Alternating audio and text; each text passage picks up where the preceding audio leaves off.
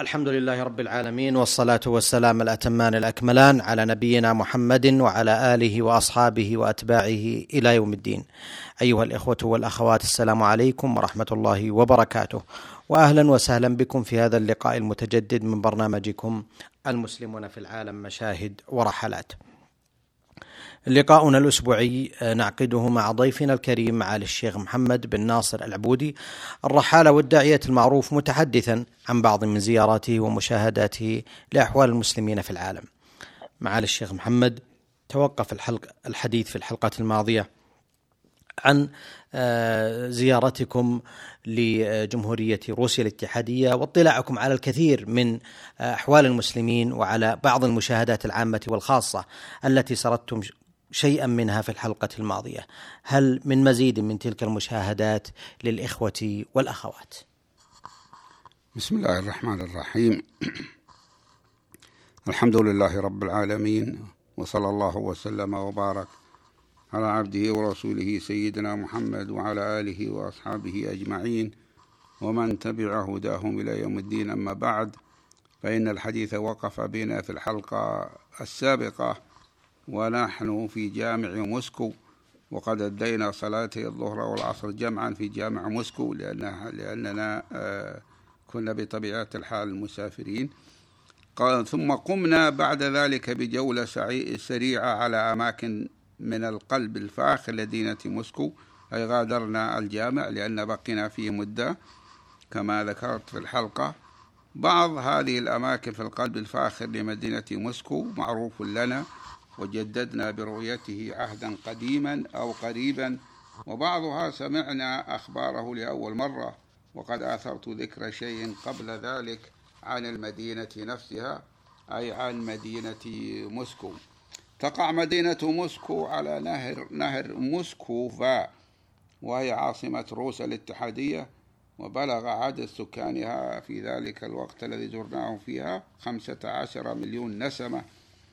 وذلك بالضبط حسب إحصاء عام 1989 وموسكو اسمها مأخوذ من اسم النهر الذي تقع عليه واسمه موسكوفا ولذلك سميت عليه ويسميها أهلها موسكوفا فلا يقولون فيها موسكو ولكن الأجانب ومنهم نحن هم الذين يسمونها موسكوفا ولكن نهر موسكوفا التي سميت المدينة على اسمه قد عجز عن أن يمدها بما تحتاج إليه من المياه لأن المدينة تتوسع والنهر صخير ولا تتوسع ولا يتوسع فشقوا له قناة حملت المياه إليه من نهر الفلقة المعروف كتب العربية باسم إيتل.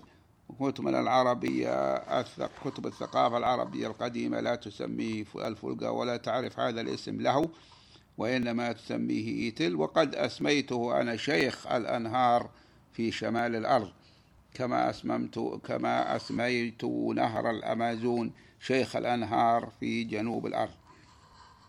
وقد توسعت موسكو توسعا هائلا بعد أن تم حفر القناة المائية المذكورة من نهر إيتل بطول 128 كيلومترا فربطت بين نهري الفلقة الذي هو إيتل وبين نهر موسكوفا الذي سميت المدينة موسكو على اسمه وذلك في عام 1940 تتميز موسكو بالحركة الاقتصادية والتجارية فهي بالإضافة إلى كونها عاصمة سياسية وثقافية لروسيا القيصرية قبل الشيوعية ثم صارت للاتحاد السوفيتي وحاليا لروسيا الاتحادية فهي مركز مالي واقتصادي مهم لعموم روسيا الاتحادية كما أنها تشتهر بالصناعة مثل صناعة السيارات والطائرات والقاطرات والمعدات الكهربائية والغزل والنسيج والأجهزة المنزلية والزجاج والكماليات. وموسكو التي كانت مقرا لحكومات الاتحاد السوفيتي لا تزال تشغل مقر حكومة روسيا الاتحادية ببرلمانها ومجلس الدوما الذي هو المجلس النيابي وجميع الأجهزة الحكومية والوزارات ومنها سفارات الدول التي تقيم علاقات دبلوماسية معها وأكثر من ثمانين مؤسسة تعليمية عالية منها جامعة موسكو التي تأسست عام 1754 منذ أكثر من 200 سنة. وحوالي 150 متحفا ومعرضا وأربعين مسرحا وعشرات من دور النشر الكتب وأهمها دار نشر ناوكا. يعود تاريخ مدينة موسكو إلى الأمير الروسي يوري دولغوروكي الذي يعتبر مؤسسها في عام 1156 ثم تطور على حسب التوقيت الميلادي. ثم تطورت إلى أن أصبحت إمارة عرفت باسم إمارة موسكوفا وخضعت لدولة ألتون أوردة الإسلامية عام 1480 ميلادية.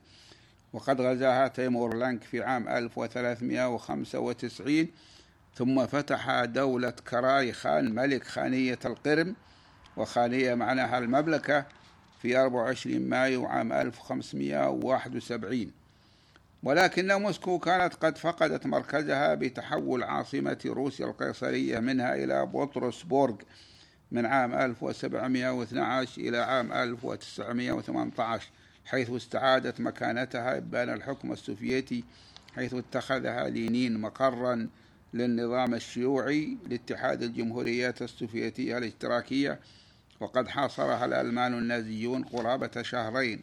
خلال الحرب العالمية الثانية إلا أنها صمدت وهزمتهم وفكت حصارها في 6 12 عام 1941 سلكنا خلال الجولة في موسكو ساعة إجراس ساحة إجراسنا بلوشد ومعنى الساحة الحمراء أو الساحة الجميلة فإجراسنا تعني أحمر وبلوشد ساحة أو ميدان. ومررنا بفندق متروبول الكبير. ذكروا أنه يحتوي على 400 غرفة حتى وصلنا إلى ميدان الكريملين أهم ميدان في موسكو بل في روسيا كلها ويقع عليه قصر الكريملين ومقر الحكومة الروسية. لقد انتابتني ونحن نتمشى في هذا الميدان المهم الذي ذهبت أهميته لكثير من الغرباء والسياح منذ أن تحطم استتار الحديد فصار الوصول إليه مباحا سهلا من دون عيون محملقة ومن دون أقدام تتابع الأجنبي أينما سار. كانت تنتابني مشاعر حزينة حينما تذكرت ما قرأته في الكتب العربية ومن النصوص الذي نقل بعضها عن مؤرخين من الروس وهو أن كيناز موسكو وهو الحاكم الكبير لها. لا يكون تعيينه ساري المفعول أو نافذا لدى قومه الروس حتى يصدر مرسوم بتعيينه من سلطان المسلمين الذي مقره مدينة قازان عاصمة جمهورية تتارستان في الوقت الحاضر. وإذا عين على سبيل الفرض وإلا هذا لم يحدث إذا عين الكيناز الذي هو الحاكم العام أو الحاكم الكبير لموسكو من دون علم السلطان فإن الروس لا يعترفون به ولا يخضعون له. فهذا من الأمور من العجائب التي لا يعرفها كثير ربما كثير من الإخوة المستمعين. فلا يكون تعيين الحاكم الكبير لموسكو نافذا لدى قومه الروس حتى يصدر مرسوم بتعيينه من سلطان المسلمين. الذي مقره مدينة قازان عاصمة جمهورية تتارستان في الوقت الحاضر.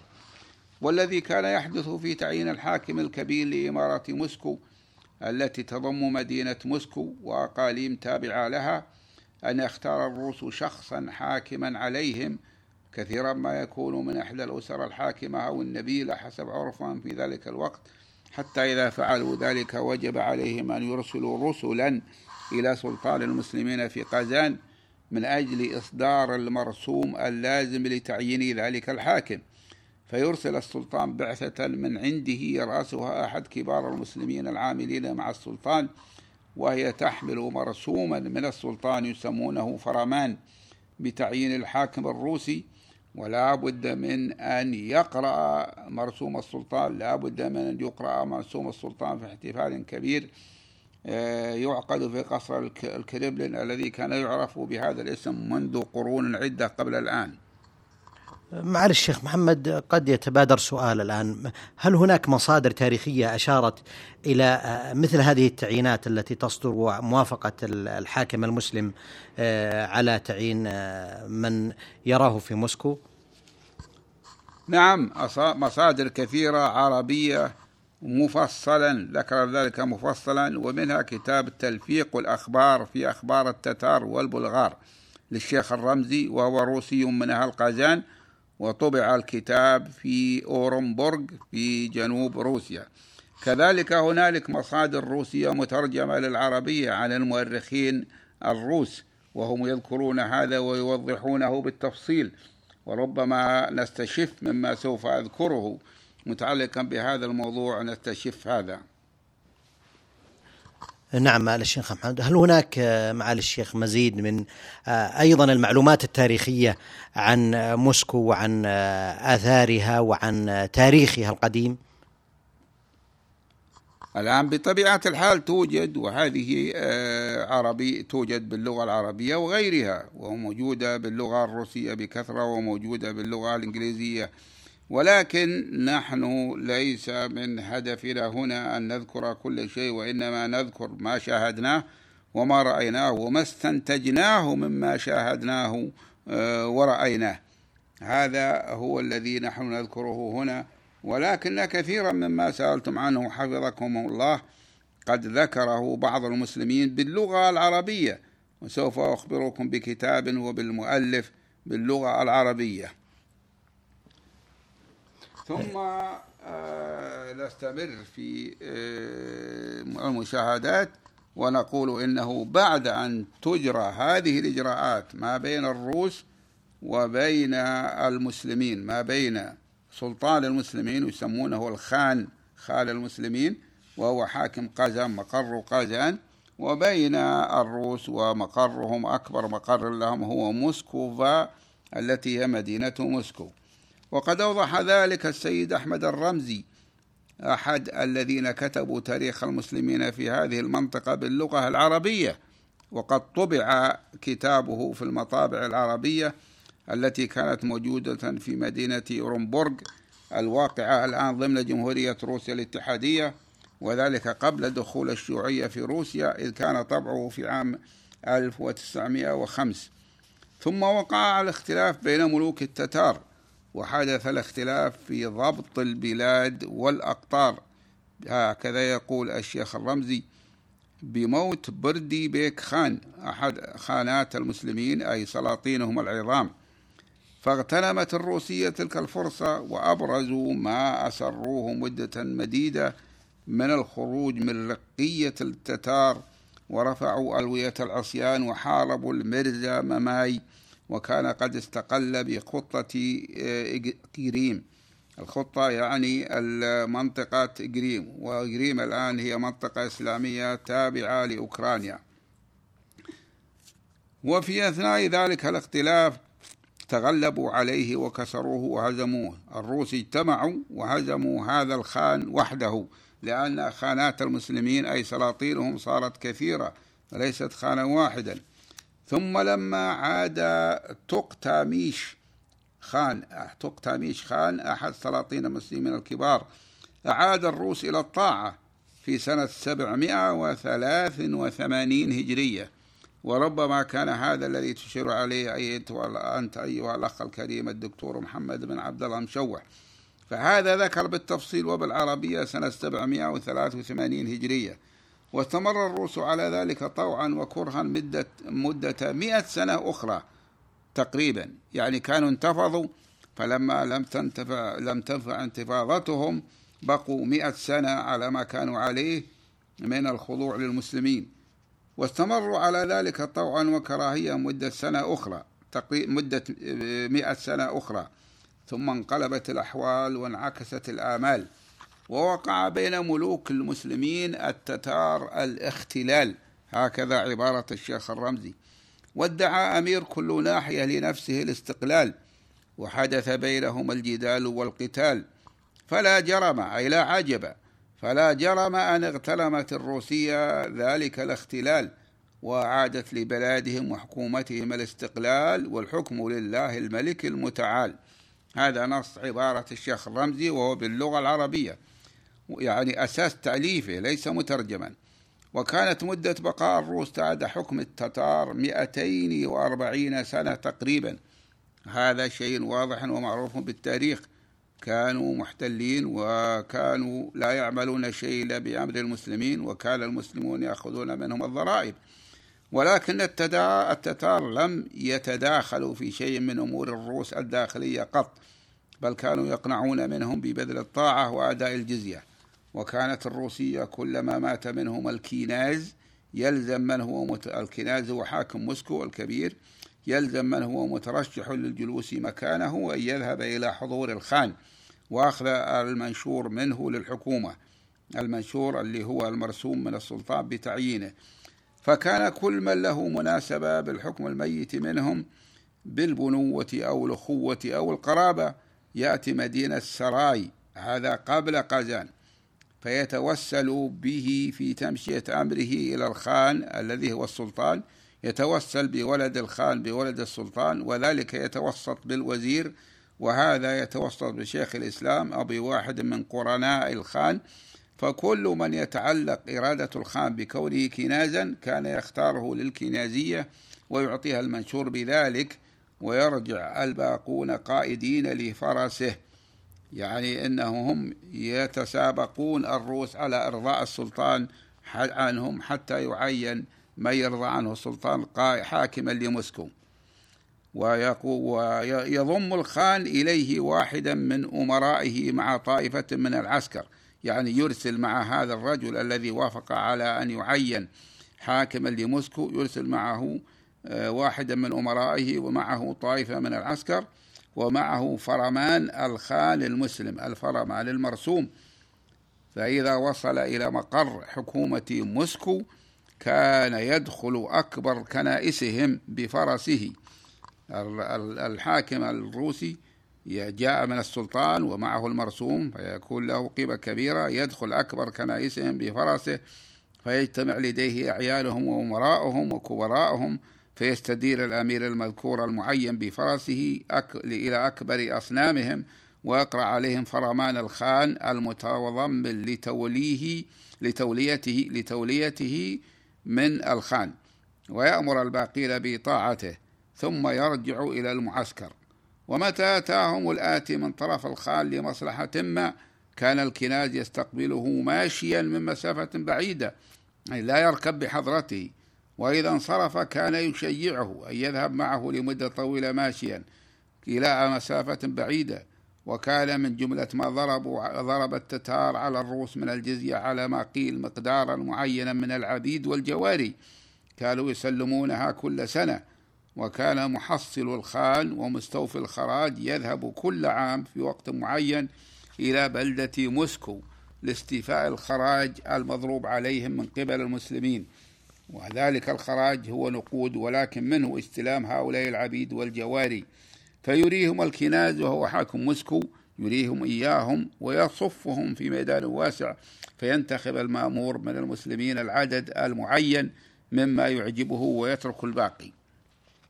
سبحان الله العظيم. وهذا الميدان موجود إلى الآن في بلدة موسكوفا ويقال له بالروسية ديسكي بول يعني ميدان الأولاد.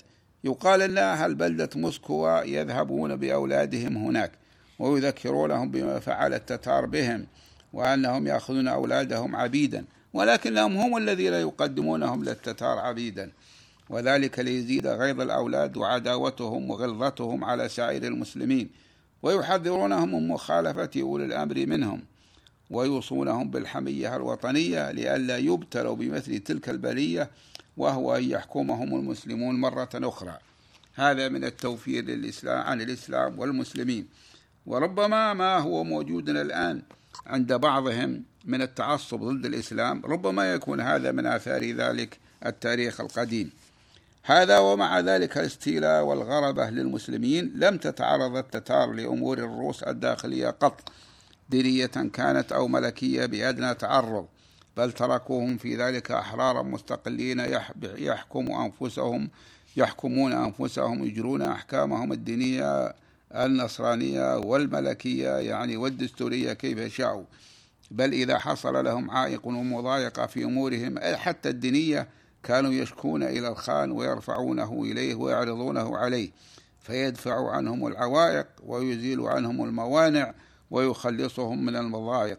هذه عبارة الشيخ الرمزي باللغة العربية في كتابه الذي ألفه باللغة العربية عن تاريخ المسلمين في الشمال شمال الأرض. كما فعلوا في مادة كنائسهم من الشكاية من طائفة باسفاق في عصر سلطان أوزبك خان في القرن الثامن الهجري. يعني شكوا للسلطان ما يلاقونه من تلك الطائفة المسلمة أو التي تدعي الإسلام. قال الشيخ رمزي وهذا عكس ما يفعله الروسية في حقهم وحق جميع طوائف المسلمين الذين هم تحت تصرفهم منذ أن استولوا أي الروس عليهم أي على المسلمين إلى يومنا هذا من إجراء المعاملات الشديدة والتضييق, والتضييق عليهم بالمضايقات العديدة. لله در من قال ملكنا فكان العفو منا سجية فلما ملكتم سال بالدم أبطحوا. يقول الشيخ هكذا الشيخ الرمزي لأنه من أهل قازان من المسلمين الأصلاء في تلك المنطقة الشمالية البعيدة. مما تجدر الإشارة إليه أن مدينة قازان أقرب قليلا إلى القطب الشمالي من مدينة موسكو. أنها مائلة شمالا لو أخذنا خطا مستقيما من موسكو إلى قازان وجدنا أن موقع قازان يبعد قليلا أكثر من موضع موسكو جهة الشمال. ومن العجب يقول الشيخ الرمزي أن الروس مع ذلك يعدون التتار المسلمين من الأقوام الوحشية ويعدون أنفسهم من أرباب المدنية. هيهات هيهات شتان ما بين الهيئات والهيئات. ولله در من أفاد في مثل هذا وأجاد سارت مشرقة وصرت مغربا. شتان بين مشرق ومغرب. هكذا يقول الشيخ الرمزي رحمه الله وهو مسلم غيور ومن أجمل ما عمل أنه ألف كتابا في مجلدين كبيرين باللغة العربية في تاريخ المسلمين في تلك المنطقة وهو الذي نقلنا منه هذه الأسطر قبل آه الآن. هذا وقد أبطلت في الك... انتهى كلام الشيخ الرمزي وأقول أنا وقد أبطلت في الكرملين الآن عادة كان السياح يحرصون على مشاهدتها وهو تبديل الحراس العسكريين على قبر لينين كل ساعتين. وكنت شهدتها وهي في عنفوانها في عام 1406 أي في زمن الحكم الشيوعي.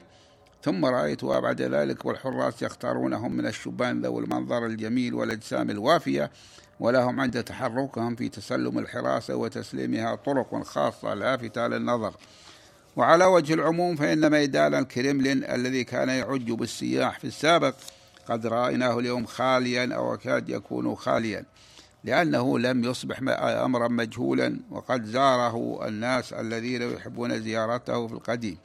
ولذلك لم نلبث فيه طويلا وإنما واصلنا سيرنا فمررنا بالحديقة القريبة من الكرملين وهي مشهورة تجولت فيها في المرة السابقة ولم نقف فيها هذه المرة. كما مررنا بنهر موسكو الذي سميت المدينة باسمه وقسم كبير من مياهه من مياهه تعتبر مياها إسلامية إن صح أن للمياه أديانا ذلك بأنها تأتي من نهر إيتل الذي سماه الروس نهر الفلقة وتابعهم الناس على هذه التسمية حتى بنو قومنا المعاصرون. أسموه بذلك أسموه الفلقة. مع أنه كان معروفا مشهورا في كتبنا القديمة العريقة باسم إيتل ولم يذكره واحد منهم باسم الفلقة. وتبدأ القناة التي شقت بين نهر إيتل وبين نهر موسكو في منطقة كانت من بلاد المسلمين ولا تزال تلك المنطقة معتبرة من مناطق المسلمين الأقدمين الذين كانوا يسمون بالبلغار والبشقرد. ولا تزال جمهورية بشقردستان التي عاصمتها أوفا جمهورية لهؤلاء المسلمين بالاسم وإن كان المهاجرون والمهجرون غير الروس غير المسلمين من الروس والروس البيض والأوكرانيين ومن لف لفهم قد كاثروا أهلها في بلادهم فكثروهم. وأما البلغار فإنهم صاروا يسمون الآن بالتتار. شملهم اسم التتار كما شمل غيرهم من المسلمين الذين كانوا مواطنين في إمبراطورية ألتون أوردع المسلمة. وفي خانية قازان التي أسقطها الروس في عهد القيصر إيفان الرابع المسمى إيفان الرهيب. وقال لي بعض المسلمين التتار أن الروس أسمونا بذلك لأننا من رعايا الدولة المسلمة دولة ألتور أوردر التي حكمت الشمال ومنه بلاد الروس وبخاصة موسكو وما حولها لسنين قليل كثيرة كما أوضحنا ثم مررنا بوزارة الخارجية الروسية ومبناها واحد من سبعة مبان ضخمة متشابهات المظهر. ذكروا أن سبب ذلك أن الذين بنوا هذه الأبنية السبعة الضخمة هم الأسرى الألمان إبان الحرب العالمية الثانية. ثم بعد ذلك انتقلنا إلى شارع من شوارع مسكو معروف عندهم بأنه شارع اللقاءات وبعضهم أسماه تظرفا بشارع الشباب. لأن الشباب من الجنسين يلتقون ويتعارفون فيه مع أن الأمر ليس مقتصرا على الشباب دون غيرهم وإنما هو مثل لما أصاب المجتمع الروسي من تغير نتيجة لسقوط الشيوعية وحصوله على الحريات الشخصية حيث صارت طائفة من النساء كما أخبرنا تحرص على الحصول على الثياب الغالية والحياة المترفة وعرضها على الناس بأي ثمن من أجل أن تلفت انتباههم إليها. رأينا شارع أربات بالفعل قد امتلأ بالمترفين والمترفات أو على الأصح بمدعي الترف لأن الترف الحقيقي في روسيا في الوقت الحاضر بعد الشيوعية هو قليل أو لا يكاد يوجد. وذكروا أن معنى أربات الساجي يعني الساكن. وكان الهدف من رؤية الشارع ليس مجرد الرؤية وإنما لتناول عشاء خفيف من مطعم كبير. فطلبنا منهم سمكا وبطاطس مقلية. نحن لا نأكل اللحم لأن لا نتأكد من ذبحه. والغالب على ذبحهم أنه خنق وذبح غير إسلامي. وكان المطعم مزدحما بحيث أن الذي يحصل على مقعد فيه يعتبر نفسه محظوظا. وقد جلسنا بعد ذلك في رصيف المطعم المكشوف. وفي جو ربيعي جميل لم نشعر فيه بالبرد خلاف ما كان عليه الأمر في أقطار البلطيق الثلاثة التي زرناها من شدة البرد. وقد بلغت درجة الحرارة الكبرى اليوم في موسكو 18 درجة مئوية. هذه درجة طيبة في موسكو وإن كنا آه، في الصيف. آه، معالي الشيخ محمد أستأذنكم في هذه اللحظات لأن نتوقف عند هذا الحد. أيها الإخوة والأخوات كنتم تستمعون إلى ضيفنا الكريم معالي الشيخ محمد بن ناصر العبودي الأمين العام المساعد لرابطة العالم الإسلامي والرحالة والداعية المعروف الذي تحدث إليكم عن بعض من جولاته وزياراته ومشاهداته حول المسلمين في العالم. نلقاكم أيها الإخوة والأخوات على خير في مثل هذا اليوم من الأسبوع القادم. وهذه تحية من محدثكم محمد بن عبد الله مشوح. والسلام عليكم ورحمة الله